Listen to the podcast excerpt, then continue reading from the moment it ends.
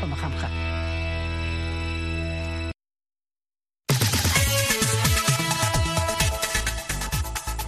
دا واشنگتن دی تاسو د امریکا غږ آشنا رادیو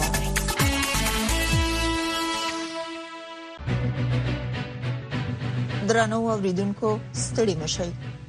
زه نام شابه آشنا تاسو په روانه خبرونه کې د سیمه او نړۍ په اړه رپورټونه هم اوري خو لمړی پام وکړئ د سیمه او نړۍ خبرونه ته درنو او محترم اوریدونکو السلام علیکم پام وکړئ د دې سات خبرونو ته ویاند غورځنګ د ایران د رسنیو د راپورونو لمخې د افغانستان لپاره د دغه هیواد ځانګړی استاذ او سفیر حسن کاظمی قومي د پاکستانی چارواکو سره د افغانستان او سیمې د امنیت په اړه د خبرو لپاره اسلام آباد ته تللی دی د ایران دولتي خبري اژانس ایرینا د راپور په اساس حسن کاظمی قومي د یک شنبه په ورځ د جنوري په 14مه د یو پلاوي په مشرۍ د پاکستان پایتخت اسلام آباد ته رسیدلی دی د ایران د اسنا خبري اژانس راپور ورکړی دی چې د ایران او پاکستان ترمنځ په دغه امنیتي خبرو کې بچی ټاکل شوې ده نن دوشنبه د جنوري په 15مه پیل شي د افغانستان د مخ په خرابېدونکو وضعیت او سیمه او نړۍ ته د تروریستي ډلو د ګواښونو په باب خبرې وشي دغه خبري اژانس ویلي چې اوسمهال پاکستان او ایران د افغانستان د وضعیت او د دغه هېواد سره د قوي ډیپلوماتیکي اړیکو په اړه ګډې اندېښنې لري.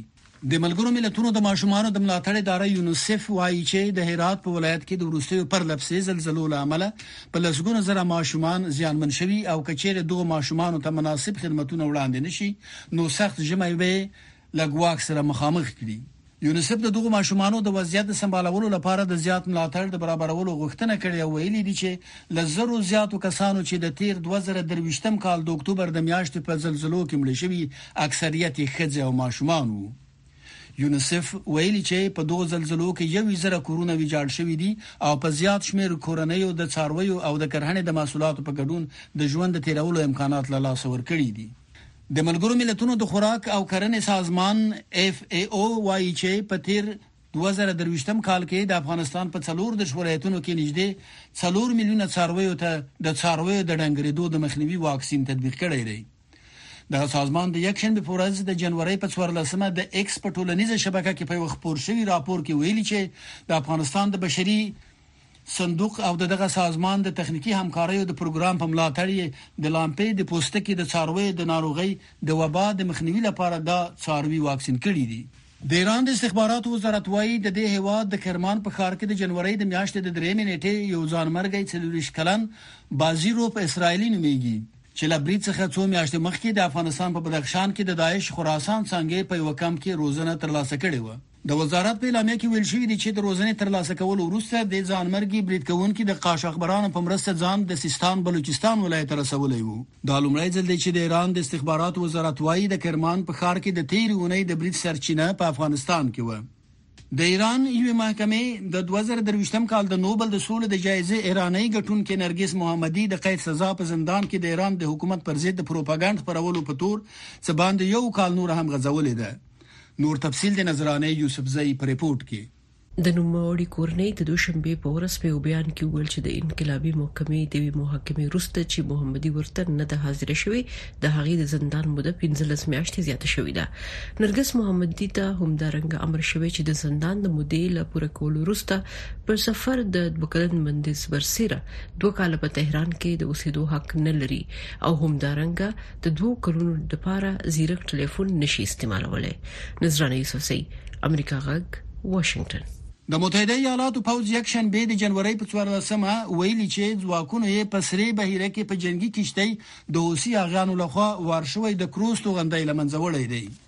دا په سرې بحیره کې د حوثي اغیانو چې ایران یې تر شا ولاړ دی تازه برید دی او داسې ښکاري چې د امریکا په تباه کوونکې جنګي کښتۍ د حوثیانو لومړنی برید دی. د متحده ایالاتو د پوز مرکزی قوماندانۍ په اعلامیه کې ویل شوی دی چې په یمن کې میشتو حوثي وسلوالو په سیمه ایز وخت د ماسپښین په 4 بجو 45 دقیقو په سره بهیره کې د امریکا په جنگي کشتۍ د کروز توغندی وار کړی وو په اعلامیه کې راغلی چې د امریکا جنگي الوتکې دا توغندی د حدیده ساحل سره نږدې وشتای او لمنځه وړی دی په اعلامیه کې همدارنګه ویل شوي چې په دې پېښه کې څوک ژوبل شوي نه دي او نه هم وسایلو ته کوم زیان رسېدلی دی. شمالي کوریا د دوشنبې په ورځ د جنورۍ په پنځلسمه په بریالیتوب سره یې د غږ تر سرعت چټک یو بالستیک توغندی ازمویلی دی چې دا اقدام د جنوبي کوریا او متحده ایالاتو لپاره ګواښ ګڼل کېږي. د جنوبي کوریا پوځي مقاماتو له دغه ازموینې وروسته وویل چې دا د پیونګ یانګ له لوري په روان کال کې د دا ډول منځني واټن ویشتونکو بالستیک توغندي لومړنی ازمویښت دی چې په اړه یې معلومات ترلاسه شوي دي د شمالي کوریا دولتي خبري اژانس په ولند خبر کې وویل چې دا توغندی جامد تیل سوځوي او د غږ له سرعت چټک کوپړی لیږدوي دا و زموږ د دې ساعت خبرونه د سیمې او نړۍ خبرونه مو واوریدل په موقع د سیمې او نړۍ په اړه رپورټونه ده. د اسرایل حکومت وایي د حماس په ضد جګړه به څو میاشتې نور هم وخت ونیسي. د اسرایل او حماس د جګړې د دوشنبه ورځ یو سل او یو ورځې وشوې او اسرایل د حماس په ضد جګړې ته د لګښت برابرولو هڅه کوي. بلخوا په غزې کې بند پاتې فلسطینیان حیران دي چې څه وکړي. د دوشنبې په ورځ پر اسرایلو د حماس د ترګریزه برید یو سلو یو ورځ پوره شوه د حماس وسلوالو په دې برید کې 1200 کسان ووژل او 240 نور یې برمته یوړل په دې موده کې لږ تر لږه یو سلو پنځه برمته کسان بیرته خوشي شوي خو ډیر نور لا هم بندي ساتل شوي چې خپلوان یې اندېښمن دي جیمی میلر د هغه څلور کسیزه فامیل غړی دی چې یو تن یې برمته وړل شوی. په بند کې خواړه نه لري، رڼا نه لري، اوبه نه لري، اصلا هیڅ ډول انساني حالت نه لري. په غزې کې د حماس ډلې د روغتیايي چارو وزارت وایي د اسرایل په هوایي او ځمکنیو پوځي عملیاتو کې چې غواړي د حماس ډله لمنځه یوسي تر اوسه په تخمینی ډول 40 زره فلسطینیان وژل شوي دي په دې کې لوی شمېر یې ښځې او ماشومان دي د غزي 2.3 میلیونه وګړو کې 15 فیصد یې بیزې شوې دي په دې کې د هبا بکر په څیر شپږ میاشتنۍ امیدواره هم ده زه به ماشوم ولرم خو حیران یم دا تکلیف څنګه رفع کړم چیرته به زیږوم او د ماشوم تر پیدا کېدو وروسته به را سره هغوی څه ډول چلند کوي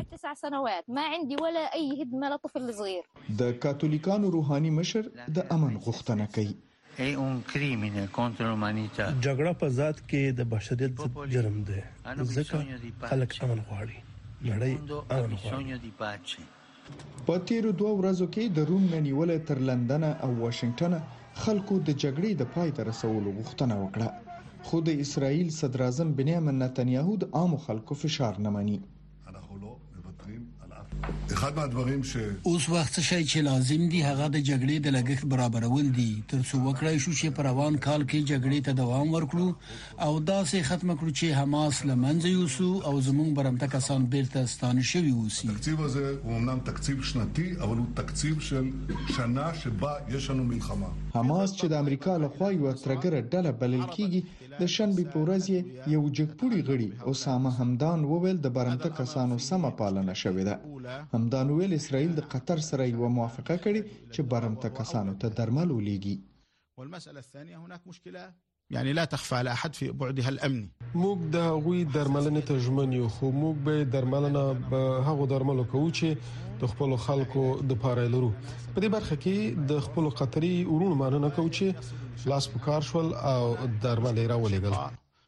اوس چې د جګړې د ختمېدلو څرک نه ښکاري، د یکشنبې په ورځ په تلابیب کې لاریون کوونکي د جګړې د سلمې ورځې د پوره کېدو سره سل ثاني چوپ ودرېدل چې په بن کې د برمته کسانو د ورځو سره برابرې وې او د جګړې په جریان کې د اسراییل د کارګري اتحادیو فدراسیون د ملکي او سوداګریزو کارونو په ځنډولو سره خپل جدیت او اخلاقي دریځ څرګند کړ انتظار پای ته ورسید ترنو لیدونکو او اوریدونکو تاسو کولی شئ د امریکا غا ټلویزیونی او رادیوي خبرونه د یاسات ساتلایت له طریقو وګورئ او واورئ د نوي ساتلایت لارې تاسو د آشنا اتصال او کاروان ټلویزیونی خبرونه کتلای هم شئ د امریکا غږ د افغانستان څنګه خبرونه په 309 پټ چنل او د آشنا رادیوي خبرونه په 309 پټ چنل کې اوریدلای شئ لملتيامو د تل پشان مننه تاسو زموږ غږ د واشنگټن د سټډیو ناوړي په آی وای ایالت کې جمهوریت غوښتونکو رای ورکونکو به دا ونی د راتلونکو ولسمشریزو ټاکنو لپاره د خپل ګوند نوماندانو ته رایه ورکړي او پریکړه به وکړي چې څوک د دوی له اړخه ولسمشرۍ ته نوماند دي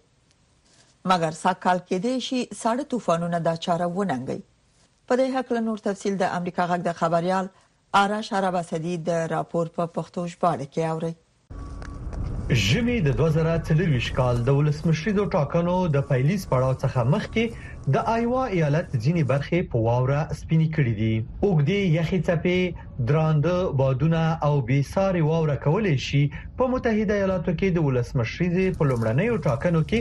د رای ورکوونکو پر ګډون اغیزه وکړي په دغو ټاکنو کې رای ورکوونکي پریکړه کوي چې د دوی لګوند نه څوک سیاسي واک ترلاسه کړي او د متحده ایالاتو د ولسمشرۍ لپاره نوماند شي هوا پیژندونکو په دې باور دي چې هوا به د سانتي ګراد منفي درې څلوېښت درجو ته راټیټه شي. دومره یخني کیدای شي د دې دندې پر مهال د رضاکارانو او مدني فعالانو ژوند وګواښي.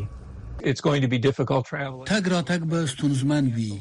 نو دا به ښه وي چې دا کار وځنډول شي، د دې لپاره نه چې نوماند به ونه کولای شي چې راشي، مګر د دې لپاره چې واقعاً نه غواړو ګڼ خلک په خطر کې واچوو، په واورو او ښویو لارو موټر چلول خطرناک دي. د اې بي سي نیوز په وینا، د جمهوري غوښتونکو مخکښ نوماند پخوانی ولسمشر ډونالډ ټرمپ د یوې شخصي غونډې پرته نورې ټولې ناستې لغوه کړي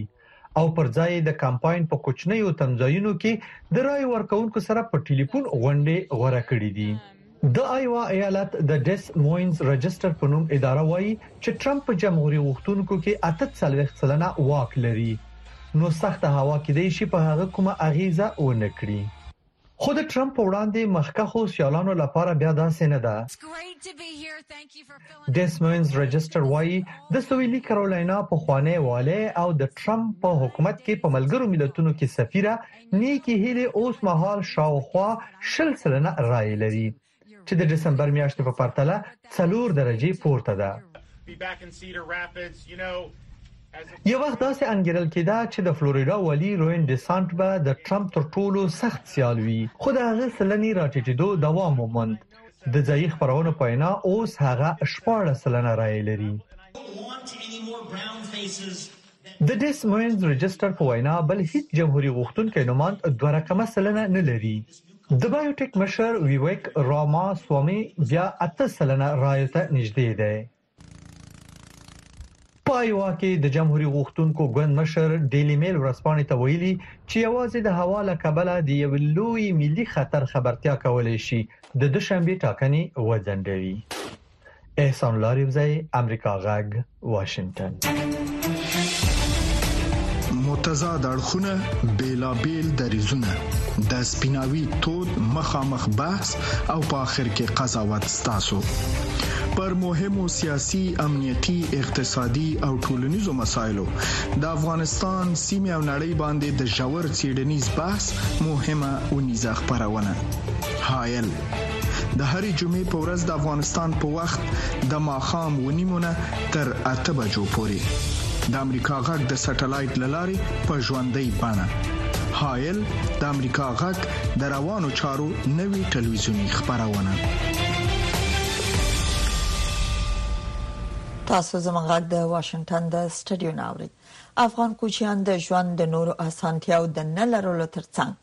شکایت کوي چې څاروي د لوږې سره مخ دي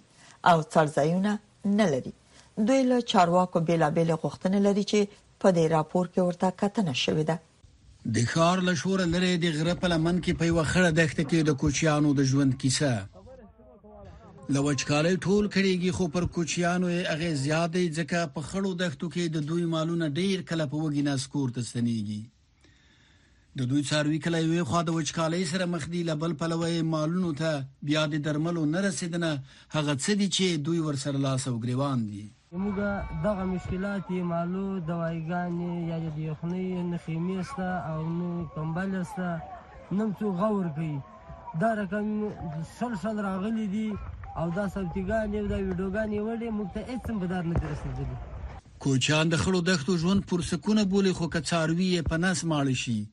ځکه د دوی د ګټې وټې وسیله همدا څاروي دي. نوراجان کوچی په همدې خړو دښتو کې رالوی شوی دی، د هغه د ژوند ډېرې ناویلې کیسې په دې ځای کې تېرې شوې دي، خو اوس له چارواکو د اسانتیاوو برابرولو غوښتنه کوي. دا راځي خو تاسو په خپل ویل دي چې مالو یو خوراک شي نسته او دغه شاوخوا وګوره د چې دغه لوی اټباري جوار دي موږ راوړي دي دغه بوس دي او اوس پیر حال دومره پیسې نه لرو مالو کې مرزونه لګېدلې دي چې مالو ته دوايګانې پې راوړو نو موږ دغه ستونزې دي باید چې موږ دغه ستونزې حل کړلای شي د دې کوچیانو له ډلې هغوی ډیر ستر زیان لیدلی دی چې ځایي استوګن ځایونه نه لري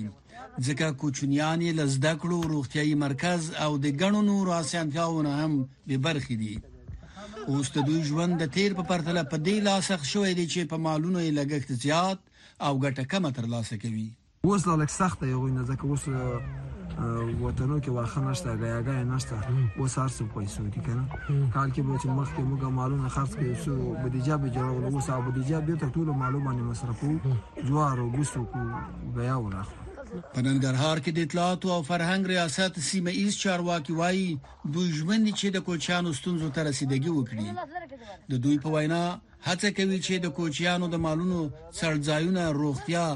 زده کړې او په نورو بېلابېلو برخو کې د دوی ستونزو ته د حل لار ولټوي. دا چې کوچیان زمونږ د ټولنې یو اهم قشر ده او تر ډېره پورې د دوی د ژوند په برخو کې په بېلابېلو برخو کې ستونزې مشکلات لري موږ په ټوله توان هڅه کوو ترڅو پورې د دوی ستونزو او مشکلات ته رسېدنه وکړو همدارنګه او د دوی د مال څړ ځایونه همدارنګه دوی د مالونو کې په د وروستیو کې قسم د امراض مشخص شوي یا تشخیص شوي د هغې درملنې لپاره همدارنګه دوی د تعلیم یا د پوهنې برخه کې د صحت برخه کې په ټولو برخو کې موږ متوجه یو او اړوند کاري ټیمونه ټاکل شوي دي د دوی سیمو ته ځي هلته سر وکړي دوی سره په بېلابېلو وختونو کې موږ مرستې کوو دوی ته موږ روزنیز ورکشاپونه ورکوو پخوا به دوی خپل مالونه د غره لمنو کې څړځایونو ته بیول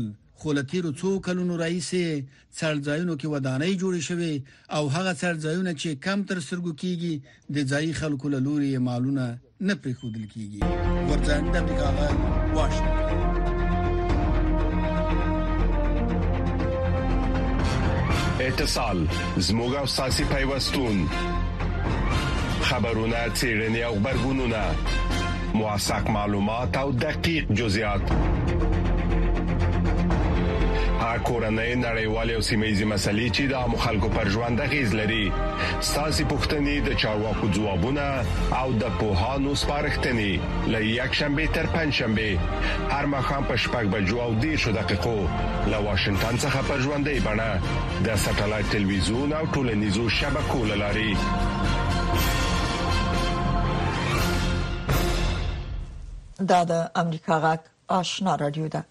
د افغانستان د پخوانی ولسمشر د دفتر رئیس او د اطلاعات او فرهنګ پخوانی وزیر عبدالکریم خرم وایي چې د ملګرو ملتونو د ځانګړي همغږي کونکي فریدون سنځلي اوغلو طرحه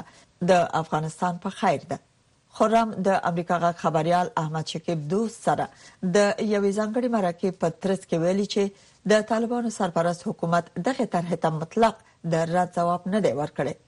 خرم افغانستان ته د مولانا فضل الرحمن اوروسي سفر ته په اشاره ویلي چې دغه شخص د افغانستان خواخوږی نه دی په دې مرکه کې د جمهوریت نظام د سقوط پر ناوایلو کیسو هم خبري شوې دي چې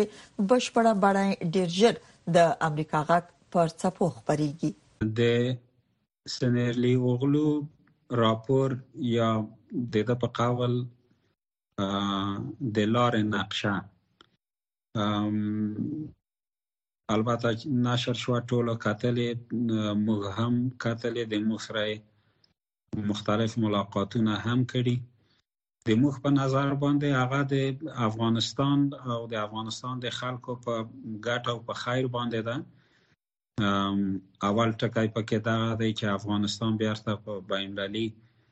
ټولنه کې مدغم شي روابط د افغانستان د نور نړۍ سره عادي شي بندیزونه ختم شي سفرونه نورمال شي بانکي سیستم نورمال شي او په افغانستان کې څه اصلاحات راشي په حکومت داري کې په مجموع کې مثبت ښکاری او د سرپرست حکومت عکس العمل هم ورته مطلق د رد عکس العمل نه و او څنګه باید وشي جناب خرام صاحب په داسې یو وخت کې چې د ځنګړي استاذي د ټاکنو سره مخالفت کیږي او تاسو هم خوانه ترخو تجربو ته اشاره کوئ آیا فکر کوئ چې دا طرح په دې توګه اوس له بنبست سره مخامخ ده نه د بمبا سره نه ده مخامخ او زه چون په حکومت کې نه یم زه پې پیګم نه خو زه دا حد سوایم چې خبرې به وشي او بل اخره موافقه به د دواړو طرفو تر لاسه شي او ما مخکې وویل چې پخوانۍ ترخې تجربه وي اما اوس حالت د هغو حالت نه چې هغه تجربه ته موږ ولې د متفاوت دی او فکر کړم د راتلونکي فبروري کې چې احتمالا په دوحه کې د سرمنشي د ملل متحد په مشرۍ یا د غو په اشتراک باندې کوم مجلس کیږي په غو کې هم شاید په دغه مورد کې پیشرفت وشي چې دغه تفاهم او توافق د ټولو اړخونو پکې ترلاسه شي شاید وروسته د هغو نه بیا پکې عملی اقدام وشي راشو دننه د افغانستان حالات ته جناب خرم صاحب د داعش خطر جدي دی په تیرې ونې کې درې بریدونه وشول هغه د نسبی امنیت ادعا مخ په ختمېدو ده او د دغو بریدونو دوام د کابل خاریان او افغانان په مجموع کې سخت اندېښمن کړي دي ستاسو په نظر د داعش خطر څومره جدي ده او څومره په افغانستان کې حضور لري د دوی اجنډا څه ده داعش خو تاسو لکه نوم یې چې څه شي دی هغه د د عراق او د سوریې پورې مربوط یو حرکت دی یو خشن تروریستی حرکت دی او اصلا موجودیت یې په دغه نقطه دی دنیا کې چې موږ پکې واقع یو د نوم سره هم کوم اړخ نه لګوي یو یو غیر عادی شای دی موجودیت دلته اما بیا هم څو کال مخکې موجودیت یې زیات محسوس و اوس فکر کړم چې ډیر محدود شوی هغه توان د عملیات تیر هفته کې متاسفانه بد پیښې وشوې یو شمیر شمیر به ګناه وطنوال مشهیدان شول پکې او دا مسولیت هغوی په غاړه واخیس البته د کرمان د پیښې نه وروسته دا پیښې دلته وشوې زه فکر کړم چې البته خطر ته باید هر وخت متوجه اوسو او دغه سیمه د موږ متاسفانه د په دنیا کې چې ستر تحولات په حال د واقع کېدو کې دي د موږ مملکت او د موږ د نږدې سیمه د هغه په مرکز کې واقع ده نو داسې شیان به پیخیږي خو زه فکر کړم چې تر اوسه پورې ښه کنټرول شوی او مخه یې نیول شوې ده خرم صاحب د ملي دفاع وزارت په خوانی لوی درستیز وایي چې د سقوط په ورځ ولسمشر کرزي بسم الله خان ته زنګ وهله او نقل قول داسې دی چې ولسمشر کرزي بسم الله خان ته زنګ وه او ورته ویل چې واک دې د توسپاري او څو ولسمشر حامد کرزي بیرته حق تلار شي او د چارو مسولیت واخلي دغه ورځ مو په یاد ده رښتیا هم دغه سی خبره شوه دا ورځ مې په یاد ده زه هماغلته د پخواني ولسمشر سره وم نور خلک هم وو او هغه لحظه کې هم وم چې د ارګ نه د پی پی اس معاونین راغلل او ویې ویل چې ډاکټر اشرف غني موږ ته ویلي وو چې زه وزارت دفاع ته ځم متاسفانه دی وتښتېد او هلته بکسونه هم پاتې دي او هغلته ارګ به سرپرسته پاتې دی او دغه مکالمه د پخوانی رئیس جمهور د بسم الله خان سره چې شوی یو د غرمې نه مخکې شوی یو د غرمې نه وروسته شوی په دواړو کې زه حاضر وم د غرمې نه مخکې ورته وویل چې خلک داسې اوازې دي چې عسکر تختی او پولیس تختی او دا څه حال دی د ویل نه هر څه بیخي صحیح دی او زه د امریکایانو سره یو ځای ناس یم او د بالونونو په واسطه ټول ځایونه ګورو درنو اوریدونکو دا د اوس په یو سرمقاله ووري چې د امریکا د حکومت نظر څرګندوي روسي د تیر میلادي کال په وروستیو شپورځ کې د یوکران په خلاف خپلې حملې چټکې کړې. په داسې حال کې چې د نوي کال په پیل کېدو سره هوایي بریدونه دوام لري، د روسیې پوځ د یوکران په جنګ کې یو نوی کمپوننټ یا عنصر شامل کړ او هغه دا چې له هغو توغندیو نه په دې جنګ کې کار اخلي چې د کوریا په دیموکراتیک جمهوریت کې جوړېږي. روسیه په نړیواله کچه په فوق العاده توګه ګوښه شوې او د مجبوریت په وجه د نظامي وسایلو د لاسته راوړلو په غرض خپلو همفکرو دولتونو ته مراجعه کړې. څرنګه چې موږ مخکې خبرداری ورکړی و، یو د دغو دولتونو نه شمالي کوریا ده دا خبره د سپینې ماڼۍ د ملي امنیت د شورا د ستراتیژیکي اړیکو لپاره د سپینې ماڼۍ د ملي امنیت د شورا منسجم جان کربي کړې. کربي وویل چې د دوه زره درې شتم میلادي کال د ډسمبر په دېرش مه روسي ځواکونو یو بالیستیکي توغندی چې په شمالي کوریا کې جوړ شوی و د اوکراین په لورې وار کړ او داسې ښکاري چې ژپورژیا د سیمې په یوه میدان کې لګېدلی. او بیا یې د روان میلادي کال د جنورۍ په دوهمه څو نور بالستیکي توغندي چې له شمالي کوریا نه حاصل کړي وو د شپې لخوا وار کړل جان کربي زیاته کړه چې دا یو فوق العاده او د تشویش وړ انکشاف دی د روسیې دا عمل به د کوریا د ټاپوزمي او د هند او آرام سمندر د سیمې لپاره هم حتمن ځانګړي عواقب لزان سره ولري جان کربي وویل چې شمالي کوریا له روسیې سره د ملاتړ په بدل کې له هغه هېواد نه جېټ الوتکو، مدافع توغندو، ذرې لرونکو نقلیه وسایطو او د بالیستیکي توغندو د تولیدولو او نورو موادو د لاسته راوړلو په لټه کې دی چې په دې کې پرمختللې ټکنالوژۍ هم شاملې دي. د ایران په شمول له دریمو اکټرانو نه روسیې له خوا د وسلو د لاسته راوړلو په ځواب کې د ملګرو ملتونو د امنیت شورا څو پرېکړې تصویب کړې دي. جان کربي وویل چې متحده ایالات خپلو شریکانو او متحدینو سره یو ځای نور ګامونه هم واخلي. لومړی دا چې موږ به غوښتنه وکړو چې روسیې سره باید حتما حساب وشي ځکه چې له خپلو نړیوالو مکلفیتونو نه یې سرغړونه کړې. دویمه دا چې موږ به پر روسیې باندې او په ټولو هغو خواوو باندې چې د شمالي کوریا او روسیې ترمنځ د وسلو د انتقالولو لپاره لار اواري د اضافي بندیزونو د لګولو خواست وکړو. دریم دا چې موږ به کوم معلومات چې په دې اړه لاس ته راوړو افشا به یې کړو، اجازه به ورنه کړو چې نور هېوادونه د روسیې د جنګي ماشین په پیاوړي کولو کې په پټه مرسته وکړي. جان کربي وویل، اصل خبره دا ده چې د یوکراین د خلکو په خلاف به د روسیې د بوږنوونکي تشدد په وړاندې تر ټولو مؤثر ځواب دای چې موږ له یوکراین سره د مهمو دافعوا سیستمونو او استعدادونو په برابرولو کې مرسته وکړو او همداراز نور نظامي وسایل هم ورته ورکړو. جان کربي زیاته کړه چې ایران او شمالي کوریا